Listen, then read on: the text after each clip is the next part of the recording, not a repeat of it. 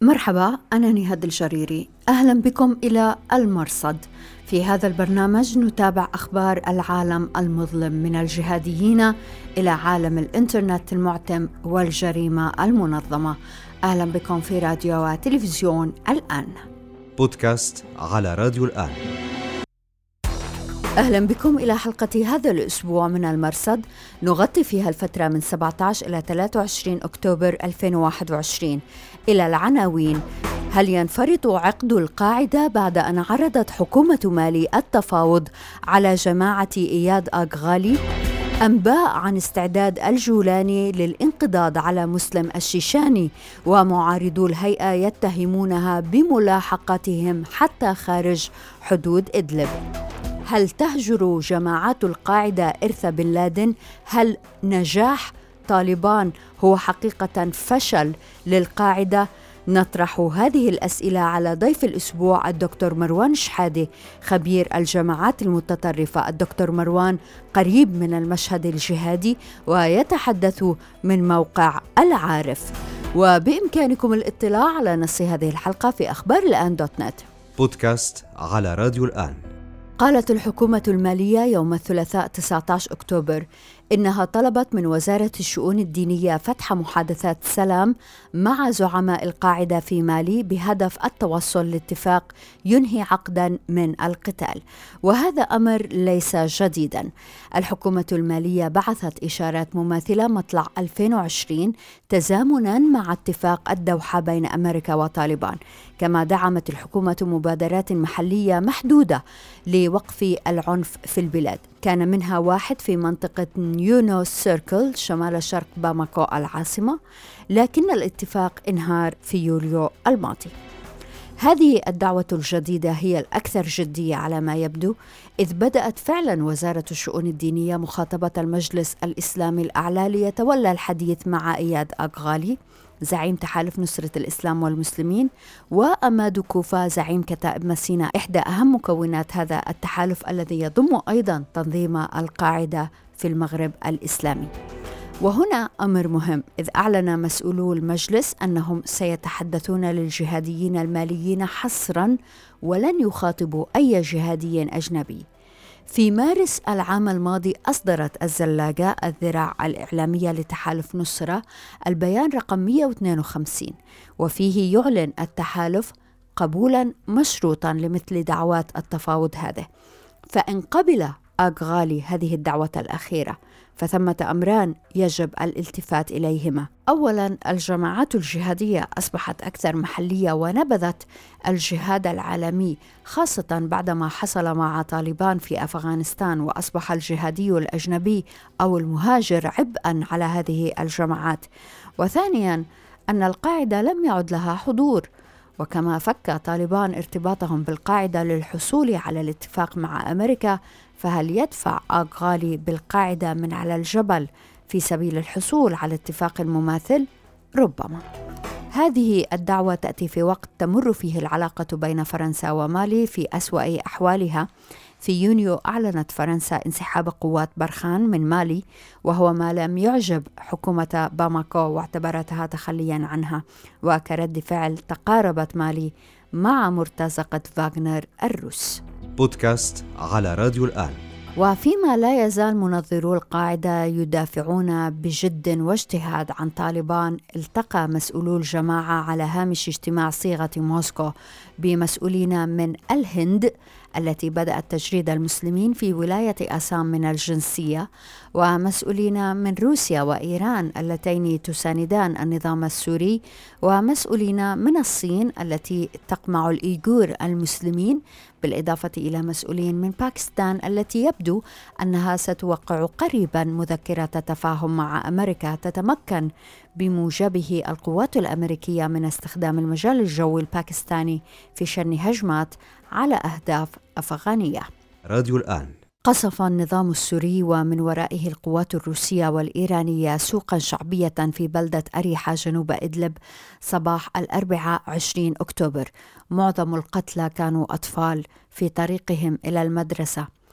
تناقل أهل إدلب فيديوهات من كاميرات المراقبة في المحلات توثق لحظة الهجوم. أطفال يدخلون دكانا تسقط القنابل يتحول الأطفال جثثا باستثناء واحد يزحف وسط الدم. حساب نور الدين الرسمية الحساب القاعدي العائد من الحذف سأل أين من يتبجحون بالضامن التركي؟ في إشارة إلى هيئة تحرير الشام التي توعدت بالرد على المجزرة. لكن في الأثناء ورد مساء السبت 23 أكتوبر أن الهيئة تستعد لمهاجمة مقرات مسلم الشيشاني أبي الوليد في جبل التركمان بدلا من مهاجمة النظام. إذا مساء السبت 23 أكتوبر وردت أنباء عن أن أمنيي هيئة تحرير الشام يستعدون للهجوم على مقر مسلم الشيشاني قائد جماعة جنود الشام في جبل التركمان شمال اللاذقية. منذ ثلاثة أشهر والهيئة تحاول تحييد الشيشاني. في 27 يونيو الماضي طلب أمنيو الهيئة من الشيشاني مغادرة المقرات والانضمام للهيئة أو الخروج من إدلب لكن بعد أقل من شهر على الحادثة قال الجولاني إن ما حصل مع الشيشاني كان تقديرا خاطئا من أحد الأمنيين وظلت المسألة تراوح مكانها. الجديد فيما يحدث اليوم هو ما نقله حساب أبي يحيى الشامي عن عناصر في الهيئة أخبروه أنهم يستعدون لقتال الخوارج أي داعش في جبل التركمان. أنا مسلم شيشاني. وعلى إثر ذلك نشر الشيشاني تسجيلا صوتيا تعليقا على أحداث الساعات الأربع والعشرين الأخيرة. يقول الشيشاني إنه لم يعد يعرف كيف يتعامل مع الهيئة. والله أنا خرجت من تحت إلى جبال لكي أكون بعيد بعيد من كل هذا مشاكل. حتى في هذا جبال لا يتركوني. لا أعرف بعد هذا جبال ليس موجود عندي مكان أين أذهب. ويحذر الشيشاني من أنه سيقاتل إن اضطر إلى ذلك. لا نستطيع نسلم لهم سلاح ونقول افعل ماذا تريد. نحن نعرف كيف يعملون مع مجاهدين في سجن وغير مكان. نريد أو لا نريد نحن ضروري ندافع نفسنا وينتقد الشيشاني الهيئة وما تفعله في السجون مع المعارضين وما تفعله خارج السجون مع الشعب. أريد أتكلم مع شباب هيئة أيضا. والله يكذبون لكم كثير يكذبون لكم كثير وإلى أين أنتم تريد ترسل هذا الجهاد بودكاست على راديو الآن. أعلنت القيادة المركزية الأمريكية سنت كوم أنها قتلت من وصفته بالقيادي الرفيع في القاعدة واسمه عبد الحميد المطر في غارة شمال شرق سوريا وتحديدا في نواحي سلوك التي تتبع إداريا للرقة المطر هو عبد الحميد المطر المحمود المعروف بأبي عبد الله الرقاوي. كان قياديا عسكريا في تنظيم حراس الدين. قبل ذلك كان مع جبهة النصرة. برز اسمه العام الماضي في موقعين. الأول عندما رثى خالد العروري أبا القسام الأردني الذي قتل في قصف للتحالف في يونيو 2020 ويبدو أنه كان مقربا من العروري. ولنتذكر أن نائب العروري كان أيضا رقاويا هو أبو أحمد الذي قتله أمني الهيئة في عرب سعيد أواخر يونيو 2020 عندما بدأ الانقضاض الأخير على الحراس. ورد اسم أبي عبد الله الرقاوي أيضا في منشور على حساب مزمجر الثورة السورية الذي يفشي أسرار هيئة تحرير الشام. في المنشور المؤرخ يونيو 2020 قال مزمجر إن قيادة الهيئة عرضت مكافأة مالية لمن يقتل أحدا من قائمة ضمت اسم الرجل. في ردود الفعل أبو يحيى الشامي قال التحالف يلاحق كوادر وعناصر الحراس رغم إعلانهم والتزامهم بخطة عمل خلف خطوط العدو أي في المناطق التي يسيطر عليها النظام والمحتلين حصرا وهيئة تحرير الشام تصر وتستمر في ملاحقتهم وسجنهم. راديو الآن. ونعود إلى غرب إفريقيا إذ يتعمق مأزق داعش في المنطقة بعد مغامرة قتل شيكاو في مايو الماضي السلطات النيجيرية أعلنت أنها قتلت مالام باكو زعيم داعش الذي تولى الإمارة من أبي مصعب البرناوي الذي أعلنت السلطات النيجيرية أنها قتلته في 14 أكتوبر الجاري. داعش في نيجيريا لا يزال في صراع مع بوكو حرام حتى بعد أشهر من قتلهم زعيم بوكو أبي بكر شيكاو إذ فشلوا في دمج عناصر المجموعة ما أدى إلى أن يستسلم آلاف منهم إلى السلطات النيجيرية مفضلين الحكومة على داعش. واليوم بات داعش في غرب إفريقيا بلا قيادة ولا جنود خاصة بعد أن قتلت فرنسا زعيم داعش في الصحراء الكبرى أبا الوليد الصحراوي في أغسطس الماضي. راديو الآن.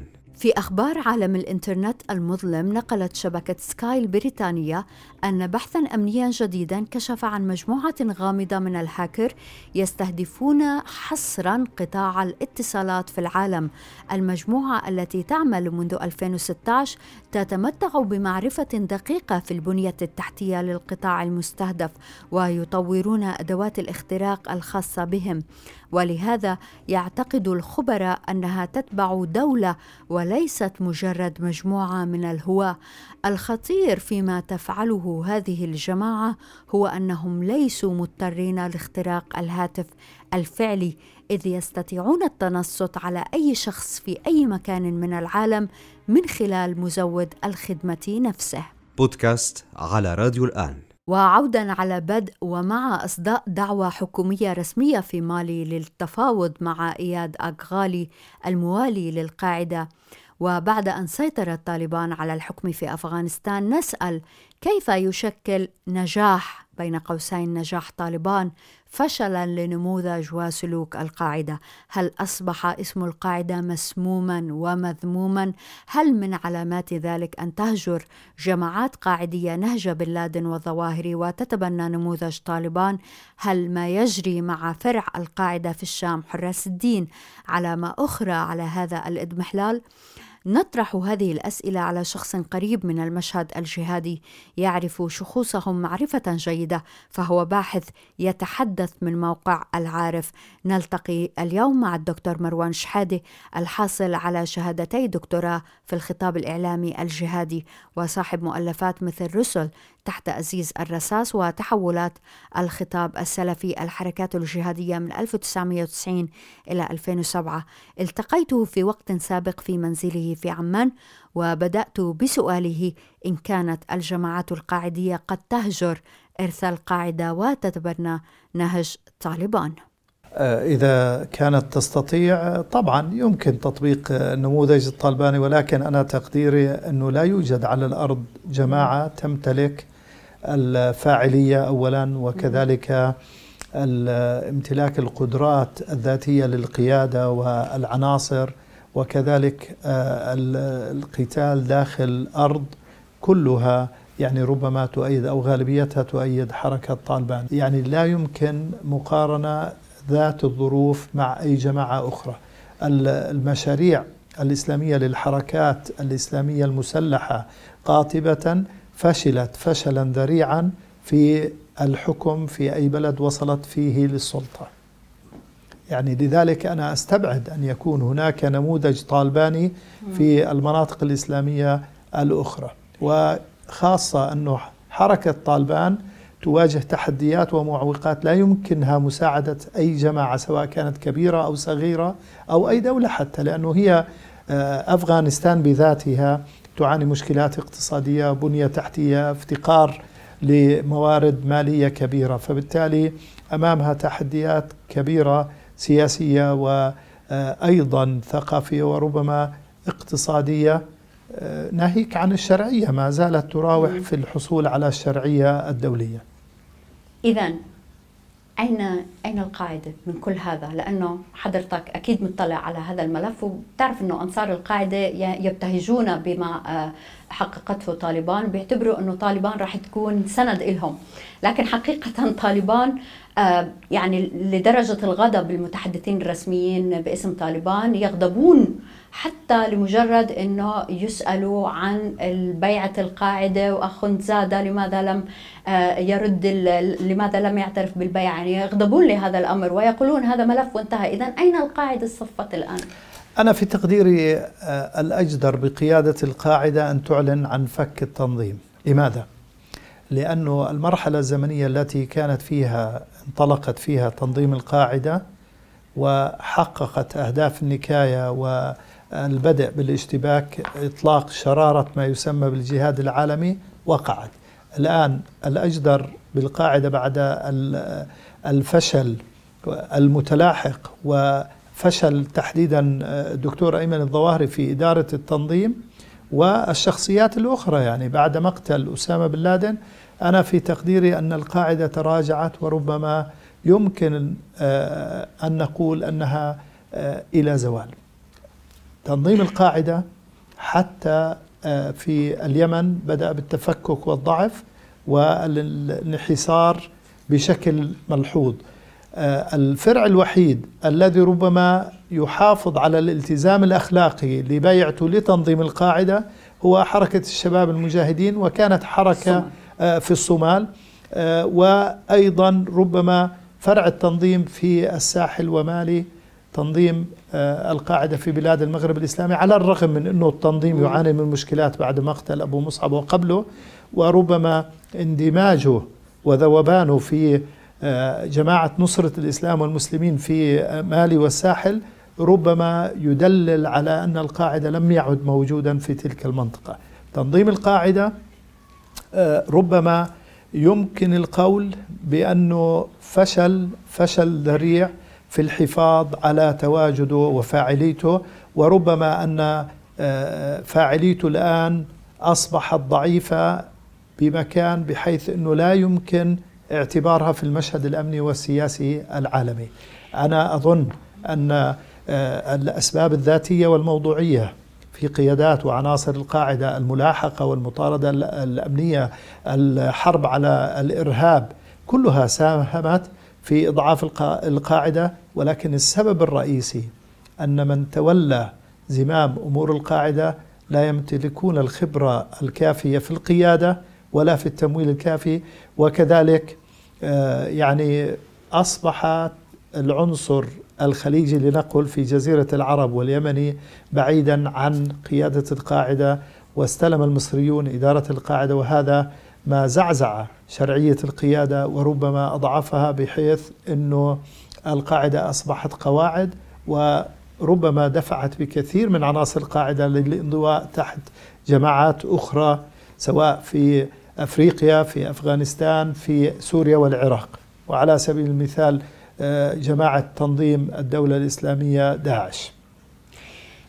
الحقيقة دكتور آه، ما حبيت أقاطعك بس إنه كثير إنه شخصية مثل حضرتك باحث مثل حضرتك يقول إنه القاعدة انتهت أو, أو إنه لو كنت أنت مكان الظواهري لكنت أعلنت حل القاعدة آه هذا كلام مهم جدا يعني يعني دعيني أقول لك لماذا أقول هذا الأمر؟ لأن القاعدة أصبحت لعنة تطارد من يقترب إليها. وأضرب لك عدة أمثلة.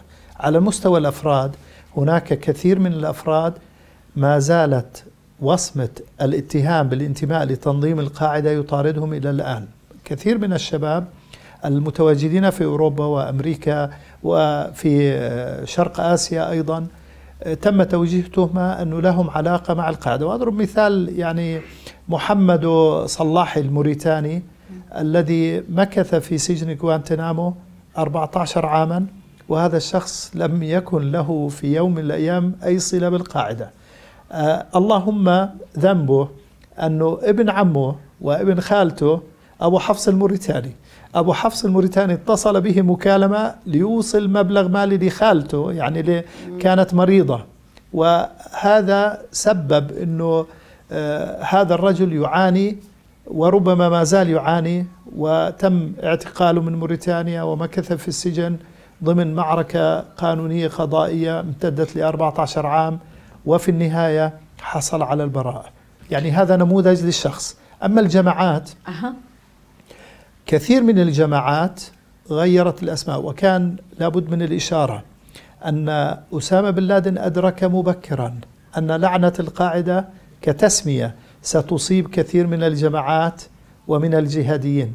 لذلك طلب منهم عدم الارتباط بالتسمية تنظيم القاعدة في كذا أو في كذا. وقال اذهبوا إلى تسميات أخرى هناك تسميات كثيرة. وذكرت وثائق آه، أبو تأباد أنصار الشريعة وأسماء أخرى على سبيل المثال لا الحصر ورغم ذلك أنصار الشريعة في في تونس وفي ليبيا وفي اليمن فشلت أيضا في الحفاظ على هويتها وكذلك على تواجدها وفعاليتها. حراس الدين مسألة أخرى يعني.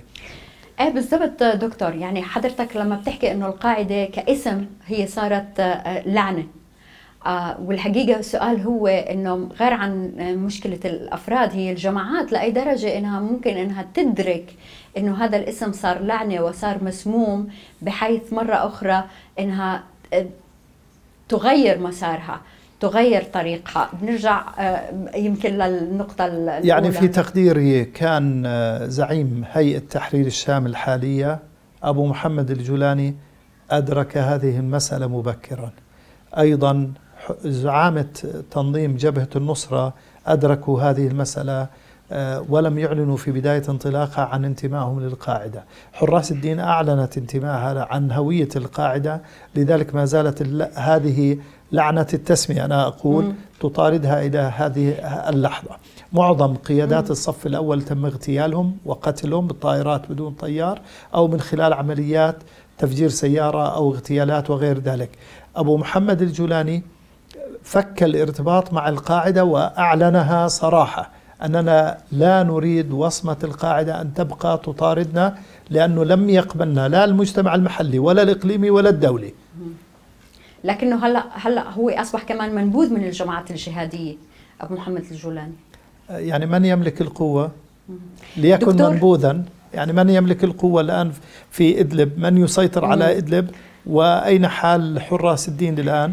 دكتور في يناير 2020 يعني قبل سنة وعشرة أشهر التقيت بحضرتك هون و آه، حكيت لنا في برنامج مرصد الجهادية الحلقة رقم 17 إنه حراس الدين أقزام يفتقرون إلى القدرة. وقلت حضرتك إنه القيادات الأردنية شكلت عامل فوضى وتصدع سواء لجبهة تحرير الشام أو تنظيم القاعدة نفسه. وهذا الكلام كان قبل ست أشهر من انقضاض الجولاني الأخير على حراس الدين. الحقيقة آه، لم نتوقف كثيرا عند كلام حضرتك لكن كان واضح إنه آه، آه، حضرتك كنت عم عم عم بتشوف لقدام إنه تنظيم حراس حراس الدين إلى زوال القاعدة في الشام إلى زوال. كيف تنظر إلى بقايا الحراس اليوم خاصة مع الجدل الأخير بخصوص طلب وساطة أبو قتادة أو لجنة شرعية؟ يعني في الواقع حراس الدين لم تلتزم بأي اتفاق وقع مع هيئة تحرير الشام. هذا من ناحية. من ناحية ثانية هناك خلل وفجوة في موضوع الاتصال ما بين القيادات المحلية في سوريا أقصد لحراس الدين ما بين آه، أيضا القيادة المتواجدة خارج سوريا سيف العدل أو ما يسمى بلجنة أو مكتب حطين. مكتب حطين يرأسه سيف العدل كما هو معروف وأبو محمد المصري. أبو محمد المصري تم آه، قتله في آه، يعني أغسطس. العام الماضي آه، سيف العدل الآن مختفي أيمن الظواهري مختفي. إذا مسألة الفجوة في عملية التواصل والاتصال والحصول على معلومات أو قرارات بخصوص مجريات الأحداث هذا سبب عرقلة للعمل. أيضا آه، نقل الصورة بطريقة خاطئة من قبل عناصر وقيادات حراس الدين إلى القاعدة سبب فجوة أخرى وخللا آخر. في تقدير ما قلته كنت أدرك تماما أن المشروع القاعدة لأنه بدأت تتفكك على مستوى العالم وربما تكون الضربة القاسمة اللي هي فك الارتباط ما بين تنظيم دولة العراق الإسلامية والقاعدة. لأنه آه، كما هو معروف كل طرف منهما كان يعطي شرعية للآخر ويعزز شرعية الآخر بمعنى شرعية العمل الجهادي في تلك المنطقة. ولكن هذه الشرعية تزعزعت مع بدء فك الارتباط من قبل هيئة تحرير الشام ورفض توالي أو بواقي هيئه حراس الدين بالانضواء للعمل تحت مظلة هيئة تحرير الشام. انت التقيت بسامي العريدي. نعم صحيح. ماذا تعرف عن الرجل دكتور؟ يعني هو آه، دكتور شريعة درس في الجامعة الأردنية بكالوريوس الشريعة وفي كحراس في الجامعة نفسها درس الماجستير والدر و آه، هو كشخصية متزمتة ولكن هل يمتلك القدرة على إدارة تنظيم أو أن يكون مؤثرا؟ أنا أعتقد هناك فرق ما بين الإدارة التنظيمية وما بين الفتوى الشرعية. ويعني يبدو أنه لا يجيد سوى الفتوى الشرعية أو التنظير. أما الإدارة التنظيمية والحركية لجماعة آه، مسلحة أنا أعتقد أنه دكتور سامي آه، رغم أنه آه، معروف أنه حازم وشديد وغير ذلك من صفات إلا أنه يفتقر للقيادة الحركية والتنظيمية. دكتور من خلال كلامك دائما بنرجع للظواهري بنرجع للقيادة. آه الآن الظواهري آه يعني أين ظواهري أين يعني أي أين ترى وهل إذا أعلن الظواهري مثلا أو إذا أعلن أنه عن موت الظواهري أو عن تنحيه لأي سبب من الأسباب فمن يتولى القيادة؟ وهذا الشخص الذي سيأتي بعد الظواهري هل سيستطيع أن يحيي آه، إرث أسامة بن لادن والقاعدة؟ أنا في تقديري لن يقوم أي شخص بإحياء تنظيم القاعدة وإرث أسامة بن لادن. ربما تبقى أفكار تصول في الفضاء الإلكتروني والإعلامي ولكنها على أرض الواقع هذه الأفكار آه، يعني ربما آه، لن تكون لها فاعلية تحيي إرث أسامة بن لادن مع وجود منافس قوي اللي هو تنظيم داعش. يعني تنظيم داعش آه، اختطف آه، بريق القاعدة وبدأ يعني بالصعود والتنامي في كثير من المناطق وتوسع وتمدد وانتشر أيضا بفروع مختلفة وصلت إلى الفلبين وإلى أفريقيا وإلى أفغانستان وليبيا وغيرها من بلدان لكنه العالم. لكنه فشل فشل في العراق وسوريا. طبعا هو التنظيم خسر مشروعه السياسي ولكن ما زال التنظيم يشكل تهديد وربما الظروف الذاتية والموضوعية في تلك البلدان تساهم في عودته ولكن لا لن يصل إلى مرحلة 2014 2017 ظواهري ظواهري دكتور الظواهري واضح واضح أن الظواهري آه، يعاني من مرض شديد وأنه ما زال حيا لأنه لو قتل أو مات ميتة طبيعية كان أعلن التنظيم عن ذلك. آه، الظواهري مريض مرض يبدو آه، مقعده أو يعني لا يمكنه الحركة وربما يكون أيضا تحت الإقامة الجبرية. اسمح لي دكتور يعني هي هي مسألة أنه هل الظواهري على قيد الحياة أو مات أعتقد إنه هي مسألة لم تعد مهمة، المهم إنه ماذا يفعل الرجل؟ ماذا يعني الرجل كان مشغولا التنظيم؟ كان مشغولا في إصدار كتاب آه، السلطة والإمام والسلطان كتاب يعني. السلطان. نعم كتاب يعني أنا في تقديري يعني هناك مسائل أهم بالنسبة مم. للتنظيم من مم. تأليف كتاب. مم. تأليف الكتاب هذا ربما يكون لإرثه الشخصي. أما التنظيم ماذا قدم الظواهر للتنظيم الآن في ظل التحديات التي تعصب التنظيم؟ لا شيء ولن يستطيع أن يقدم شيء. الظواهري آه، يعني فشل فشلا ذريعا وربما يعني يكون هذا الكلام يعني موجه للظواهر ولا عناصر تنظيم القاعدة إنه لم يتمكن أيضا حركيا وتنظيميا من إدارة التنظيم بكفاءة وربما هذا سبب تراجع فاعلية التنظيم وخسرانه لكثير من أنصاره ولم ينجح باستقطاب أو القيام بعمليات بحسب ما رسم من خطط. يعني بعض الفروع للتنظيم في اليمن تحديدا. أمريكا تواصلت عبر قنوات للكف عن إعلان العداوة لأمريكا وعدم توجيه وضرب المصالح الأمريكية مقابل توقف الطائرات الأمريكية عن استهدافهم وملاحقة القيادات. ولكن فرع التنظيم اليمن رفض هذا العرض. وكانت نتيجة أنه تم اصطياد آه، كل قيادات التنظيم وتراجع فعالية تنظيم اليمن وربما ربما يمكن القول بأنه يعني من المرجح أن يتفكك هذا التنظيم بسبب الخلافات الداخلية التي عصفت به. وغياب القيادة لأنه المثال اللي حضرتك حكيت عنه بالتأكيد طبعا. يعني هي هي القيادة ربما تكون الصورة لضعف القيادة في سوريا. آه، ينتظروا الأوامر والتعليمات وغير ذلك. ولكن القيادة في اليمن ربما تكون لديها الاستقلالية بحيث عندها قدرة على القيادة والفاعلية لفترة محددة. هل خالد طرفي قادر على إعادة تنظيم صفوف القاعدة في جزيرة العرب وإعادة هيكلة ما فقدوا من اختلافات داخلية؟ أنا في تقديري لغاية هذه اللحظة أثبتت الأشهر القليلة الماضية أنه ما زال غير قادر على ملمة هذه آه، الصفوف. دكتور مروان شحادة شكرا جزيلا لوجودك معنا. العفو شكرا لكم. وبإمكانكم مشاهدة هذه المقابلة على أخبار الآن دوت نت ضمن لقاء خاص. شكرا جزيلا لوجودكم معنا في راديو وتلفزيون الآن. أنا نهاد الجريري مع السلامة. بودكاست على راديو الآن.